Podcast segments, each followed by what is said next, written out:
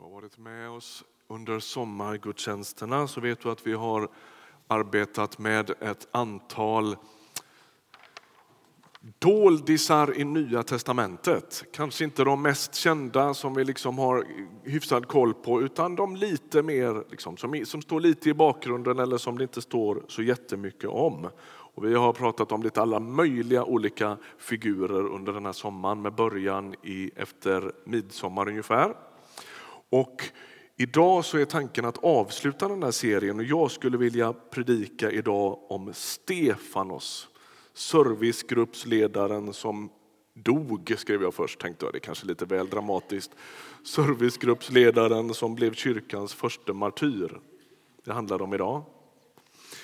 Bakgrunden innan vi läser Bibel tillsammans är att apostlarna, de här tolv, ni vet att Jesus utser tolv apostlar och så dör Judas Iskariot. Han tar livet av sig och så ersätts han med en, en man som heter Mattias. Och så finns det tolv apostlar och de inser ganska snart det som varje pastor sedan dess har fått smaka på, nämligen vad svårt det är att jobba med rätt grejer. Eh, vad mycket det är som trycker på av praktiska göromål och så. Och ganska snabbt så eh, övervallas de liksom av det där. Och det centrala i det som de uppfattar som sitt uppdrag, nämligen att leva i ordet, bibelordet och i bönen, det liksom får hela tiden stryka på foten. Eh, och då väljer man några män som ska hjälpa till med det. Alltså de här praktiska sakerna. Och det handlar om att servera människor som är fattiga mat. De har en sorts matdistribueringssystem eller någon sorts social verksamhet. Och apostlarna de blir liksom helt upptagna av den där grejen och känner någonstans att ja, vi behöver hjälp med det för att inte övermannas av de där uppdragen. Då. Det här blir ingen värdering på något sätt i vad som är viktigast utan man fattar, vidtar någon sorts åtgärd så att var och en ska kunna funka i sin kallelse och göra det viktigaste för just dem. Är ni med? Det är liksom ingen gradering utan bara, men vilka är begåvade och har längtan att göra det här? Det är det som är grejen. Och då kommer vi in i apostlagärningarna i kapitel nummer 6. Först har du, om du är i nya, du har gamla testamentet, stort sjok, sen har du nya testamentet som inleds med Matteus, Markus, Lukas och Johannes som berättar varsin Jesus-story. Sen kommer apostlagärningarna. Där är vi nu. Och vi läser från vers 1. Vid denna tid då lärjungarnas antal ständigt växte började de grekisktalande judarna klaga över att de infödda judarna åsidosatte deras änkor vid den dagliga utspisningen. De tolv kallade samman alla lärjungarna och sa, det är inte riktigt att vi ska försumma Guds ord för att ordna med måltider. Nej, bröder, välj ut sju män bland er som har gott anseende och som är fyllda av ande och vishet, så sätter vi dem till sådana uppgifter. Då kan vi själva ägna oss helt åt bön och åt ordets tjänst. Alla de församlade gillade förslaget och de valde Stefanos, en man fylld av tro och helig ande, Filippus, Prokoros, Nikanor, Timon, Parmenas och Nikolaos, en proselyt från Antiochia och förde fram dem till apostlarna som bad en bön och lade sina händer på dem. Guds ord vann spridning och antalet lärjungar i Jerusalem steg kraftigt. Även en stor mängd präster började omfatta tron. Man väljer alltså människor som har ett gott anseende, de är fyllda med helig ande och med vishet. Det är värt att notera då att servicetjänsterna, om vi får säga så, de var ingen, det var liksom inget, inga så här, de som inte passar att sjunga i kören får stå i kaféet. Det är inte så. Utan när de, när de väljer de här människorna då ser man det som en andlig tjänst. Vår tendens i vår tid, är att dela, eller i alla tider har kristna kyrkan fått jobba med det, är att dela upp tillvaron i andligt och praktiskt eller i fromt och vardagligt. Det är en helt främmande uppdelning i Nya testamentet. Man tänker inte så. Utan självklart gör man allt det man gör som en tjänst för Gud. Allt man gör kan göras till Guds ära. Och tanken att somligt skulle vara liksom någon sorts mindre viktigt eller någon sorts sekundärt på det sättet, den är lite lurig. Den ska man hålla emot därför att den tenderar att göra oss liksom att vi graderar. Då. När man ska servera mat i urkyrkan då är det ande, vishet och anseende som kvalificerar för det uppdraget. Och jag tänker, du som jobbar i en servicegrupp, det är många här som gör det. Se det som en andlig tjänst. Se det som att du tjänar Gud genom din insats. Jag vet att många gör det, men jag bara vill påminna dig om det. Ni vet hur det lätt, lätt det kan bli. Vi ska fylla det där Excel-arket och vi ska försöka få den här veckan att gå ihop. Liksom. Tänk om vi kom med ett ingångsvärde av att hur kan jag tjäna Gud med det här? Och förstå att allt det du har av tid och resurser och erfarenheter och personlighet och allt kan ställas till Guds tjänst. Vi tänker så lätt att lovsångarna, predikanterna, bedjarna, det är liksom de som gör det viktiga på något sätt. Men vi får inget stöd för det i Nya testamentet. Det är fel att tänka så. Se din tjänst som uppfunnen av Gud. Gör det du gör i bön och i tro att Gud går med dig i det. Vare sig du spelar, eller kokar kaffe, eller klipper gräset eller vad du gör. Vårt onsdagsgäng som vi har här, ett gäng som kommer hit varje onsdag och, och, hjälper till med alla möjliga olika praktiska grejer under Ingrids ledning. Vilken tjänst för Gud! Den har väldigt lite med estrad att göra, den har väldigt lite med det här att göra. Liksom. Men vilken tjänst! Är ni med? Det, det en, vi måste hela tiden bryta den där tanken om att somligt är andligt och annat är därmed mindre viktigt. Alltså, i urkyrkan är detta en andlig tjänst. De ska servera änkorna vid borden och det är viktigt vem man väljer. Vem är då denne Stefanos? Han är ju med bland de här. Vi vet inte så jättemycket om honom. Han är omnämnd här nu då i kapitel 6, kapitel 7 och ett par verser in i kapitel 8. Sen bara i förbifarten nämns han två gånger till i, i, i apostlärningarna. That's it. Sen vet vi inget mer om honom. Vi har ingen koll på hans bakgrund och familj och, och, och vad som hänt, liksom, hänt tidigare och så. Men jag tänker så här, det vi kan läsa ut det är, det kanske inte är någon slump att det är just en tjänare i församlingen som blir den första martyren. Det kanske inte är en slump att det är den som har varit beredd att serva andra, stå i bakgrunden, se till att det funkar, som också blir den som dör för sin tro. Först av alla. Så småningom gör ju de offentliga gubbarna det också på löpande band. Men, men han blir först. Det som händer när Stefanos dör, vi ska läsa det så småningom. Jag tänker att det som händer då, det är att den tjänarattityd som har präglat Stefanos hela hans liv, den fortsätter in i döden.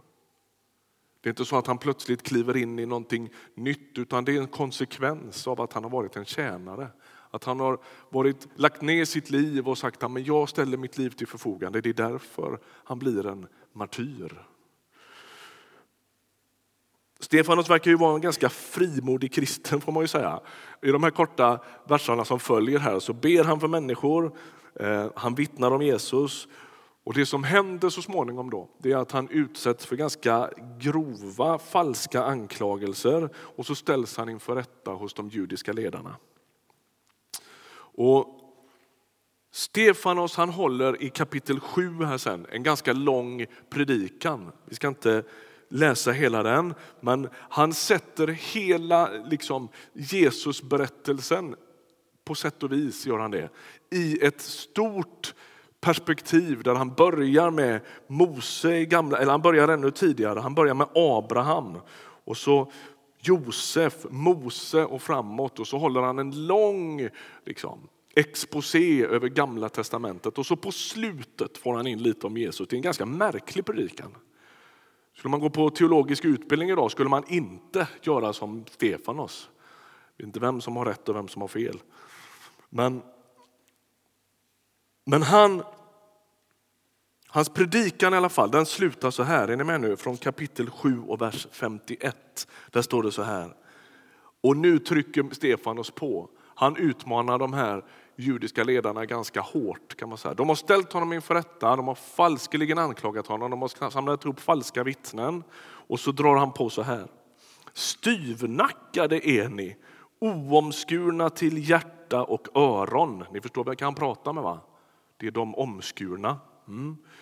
Alltid gör ni motstånd mot den helige ande, ni som era fäder. Finns det någon profet som era fäder inte har förföljt? De dödade dem och förutsade att den rättfärdige skulle komma. Och nu har ni förrått och mördat honom, ni som fick lagen utfärdad åt er av änglar men inte har hållit den. Och så fortsätter, där slutar hans predikan. Det är liksom hans slutkläm. Nej.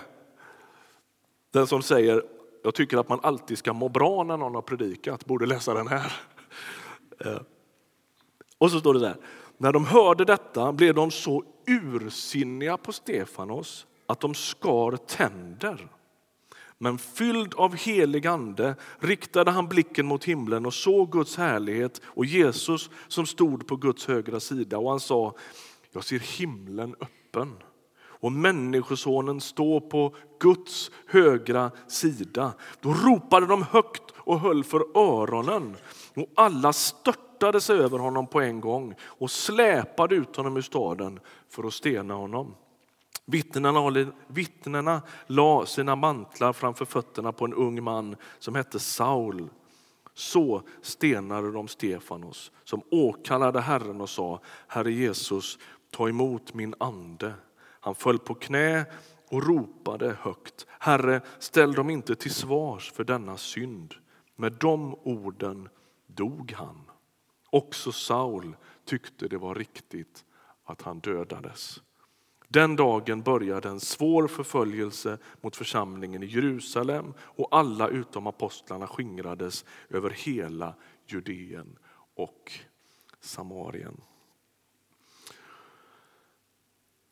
Vi kommer tillbaka till Stefanos och den här händelsen alldeles strax. Men här inleds en obruten kedja som pågår ända tills idag av att människor dör för att man bekänner Jesus. Här börjar det. På sätt och vis börjar det med Jesus själv, men ni fattar. Här börjar det att en kristen troende människa dör för sin tro. Det är första gången det händer här. Hur många kristna martyrer finns det i världen idag? Ja, det kan man inte riktigt så lätt svara på. Ingen vet det riktigt. Det beror ju delvis på att många av dem som dör för sin kristna tro gör det i väldigt slutna länder. Nordkorea är ett sådant exempel. till exempel. Eh, och många andra också. Mellanöstern naturligtvis. Eh, med martyr, om man liksom letar lite bland de här som kan de här grejerna, bland annat en organisation som heter Open Doors som är väldigt duktiga på det här och, och jobbar med att liksom sätta fingret på de här frågorna, så säger man att en, en, en kristen martyr det är en Jesus-troende som förlorat livet i förtid som ett resultat, som resultat av människors fientlighet när man på något sätt har vittnat om sin tro.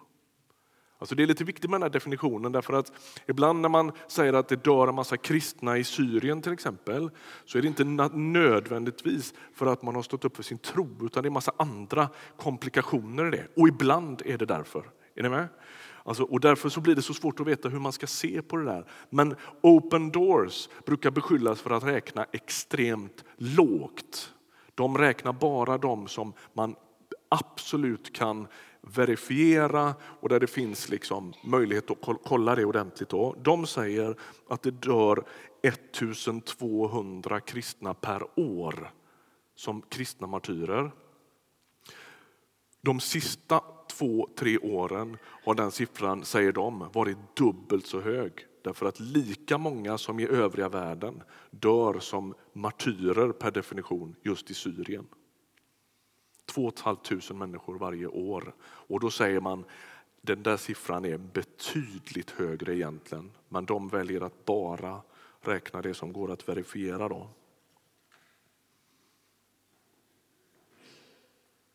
100 miljoner kristna ungefär lider på något sätt konsekvenserna av att man bekänner Jesus varje år.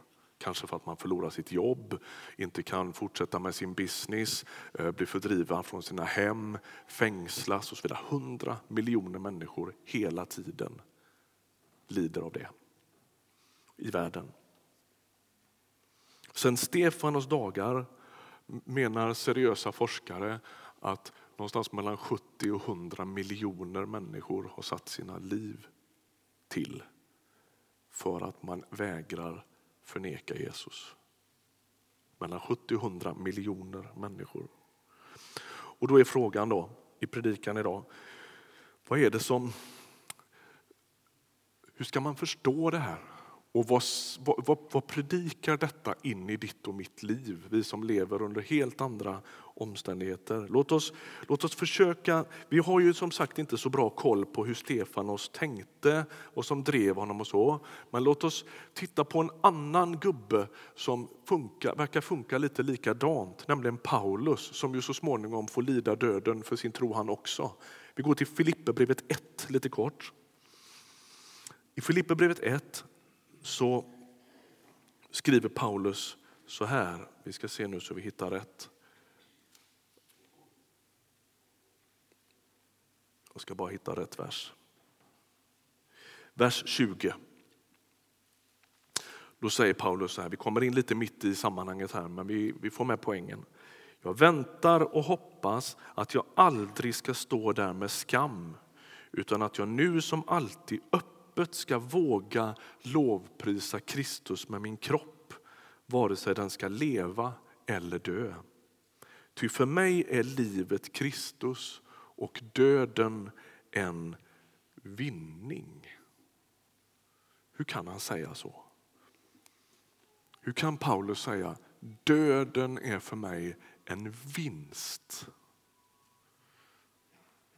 Jag tror inte Paulus har någon dödslängtan. Det finns inget som tyder på det. När man läser vidare den här texten så är att han, han sliter mellan de här två. Att leva kvar eller att dö beroende på vilket som är bäst för evangeliets skull. Jag tror inte han finner livet så odrägligt att till och med döden liksom ser ut som ett hyfsat initiativ eller, eller alternativ. Han är, inte, han är inte självmordsbenägen. Han är inte trött på att leva. Det är inte därför han säger som han säger. Poängen är att Paulus lever hela sitt liv i Kristi efterföljd. Och att få dö, det blir då att till slut förenas med Jesus helt och fullt.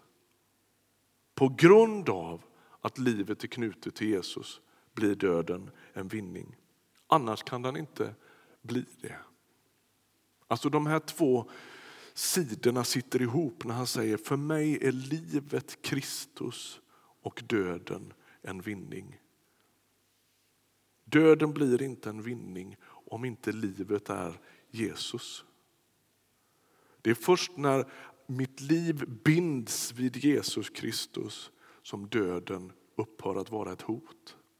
Därför att då blir döden en sorts, då fullbordar den min längtan. Då får jag äntligen möta Jesus ansikte mot ansikte. Det betyder inte att döden blir enkel.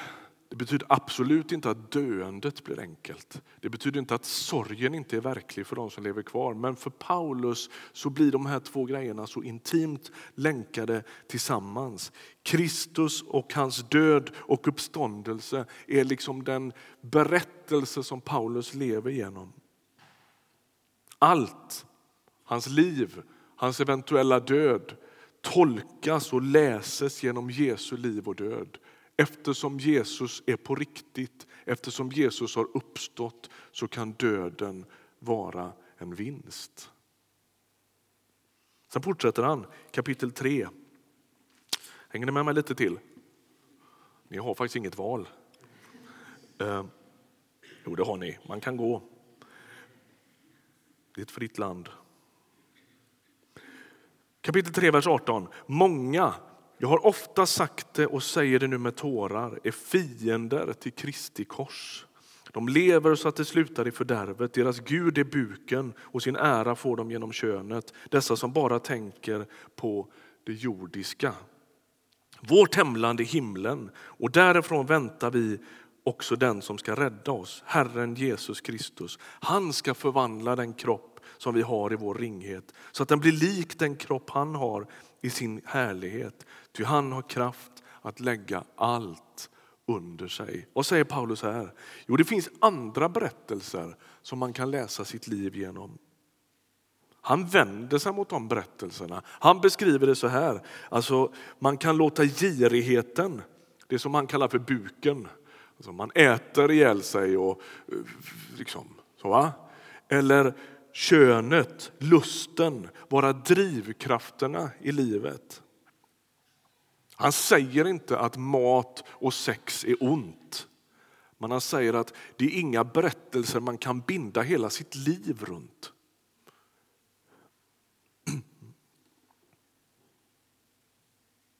Om man drivs av det, om man binds vid det, då blir perspektivet helt och hållet jordiskt. Och om det blir det, då kan man inte hitta något som helst hopp i döden.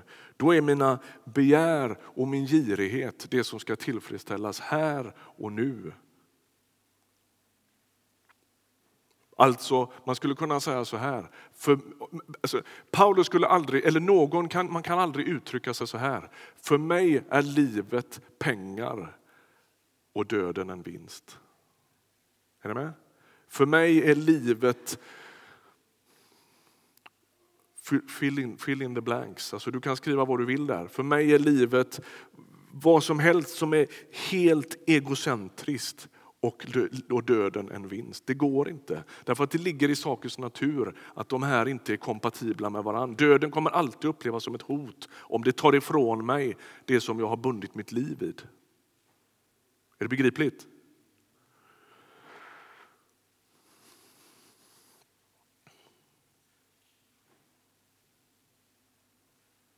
Det är omöjligt att ta till sig Paulus resonemang här om man inte delar hans längtan att leva nära Jesus.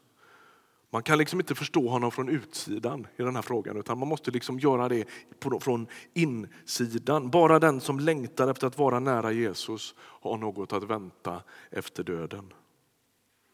Och Det är Paulus passion och längtan här i livet, att leva så nära Jesus som det bara är möjligt, som gör döden till en vinning.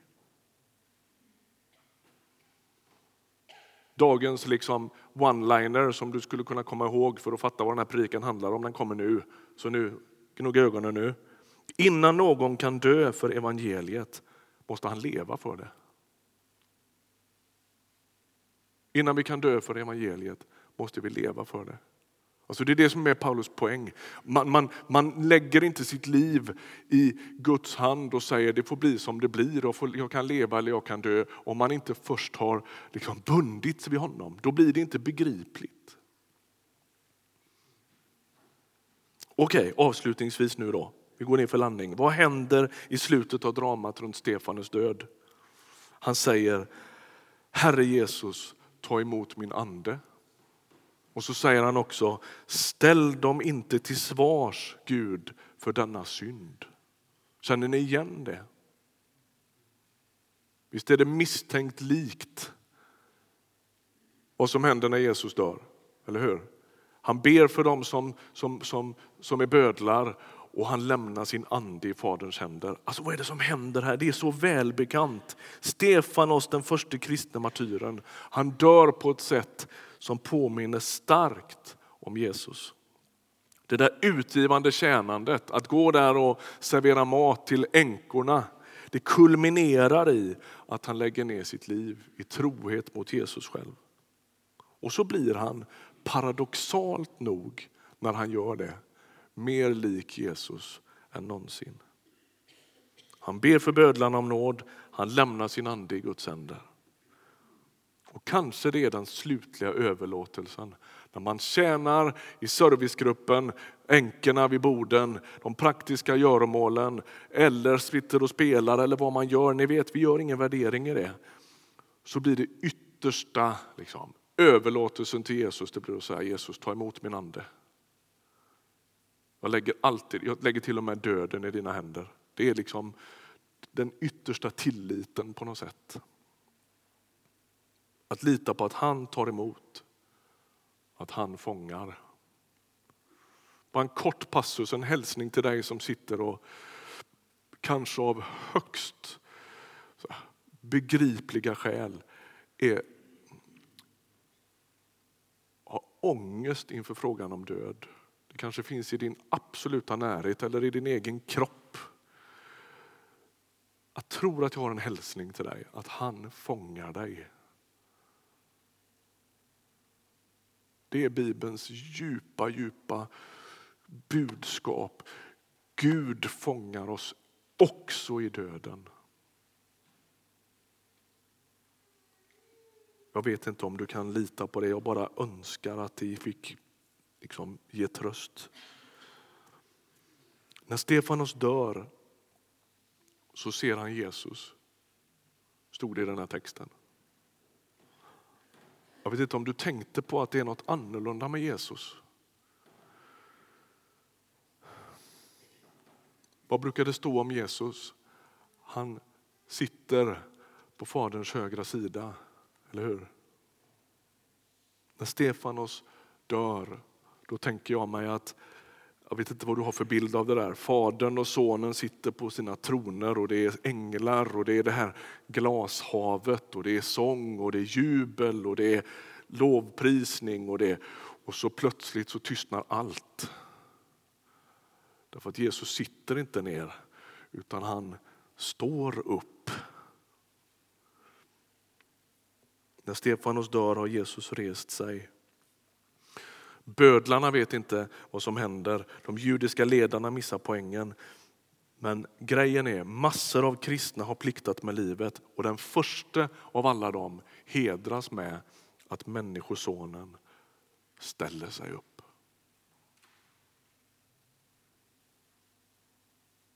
När Stefanos dör, då står Jesus upp. Och jag tänker det finns någonting i det där. liksom.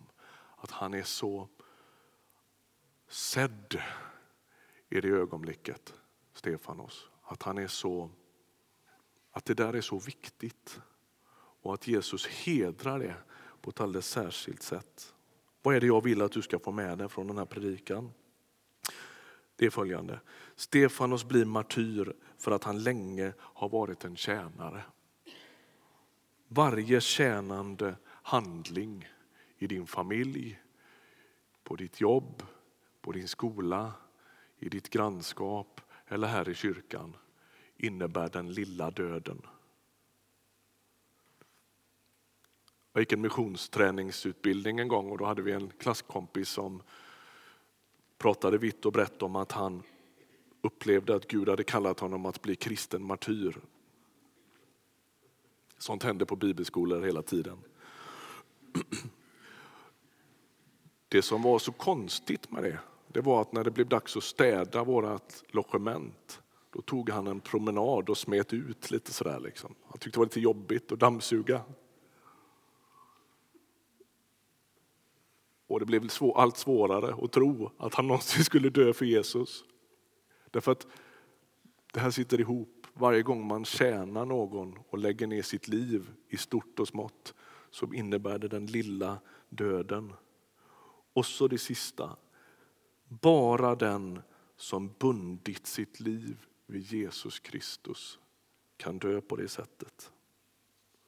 Bara den som bundit sitt liv nära Jesus Kristus kan säga livet är för mig Kristus och döden är en vinst. Ska vi be. Tack för att du är den levande guden. Tack att du är en Gud för de levande och inte för de döda. Tack att du har uppstått ifrån de döda, att du har brutit udden av döden. Och tack att till och med en sånt här märkligt livsöde kan få en sån djup mening därför att du lever och finns. Och döden får inte sista ordet. Vi ber att få ta rygg på Stefanos i tjänande, utgivande. Vi ber att du ska locka oss att lägga ner våra liv dagligen i smått och i större. Och framförallt vill vi be dig Jesus, locka oss att binda våra liv allt tätare till dig. Tack att du hör oss när vi ber. Amen.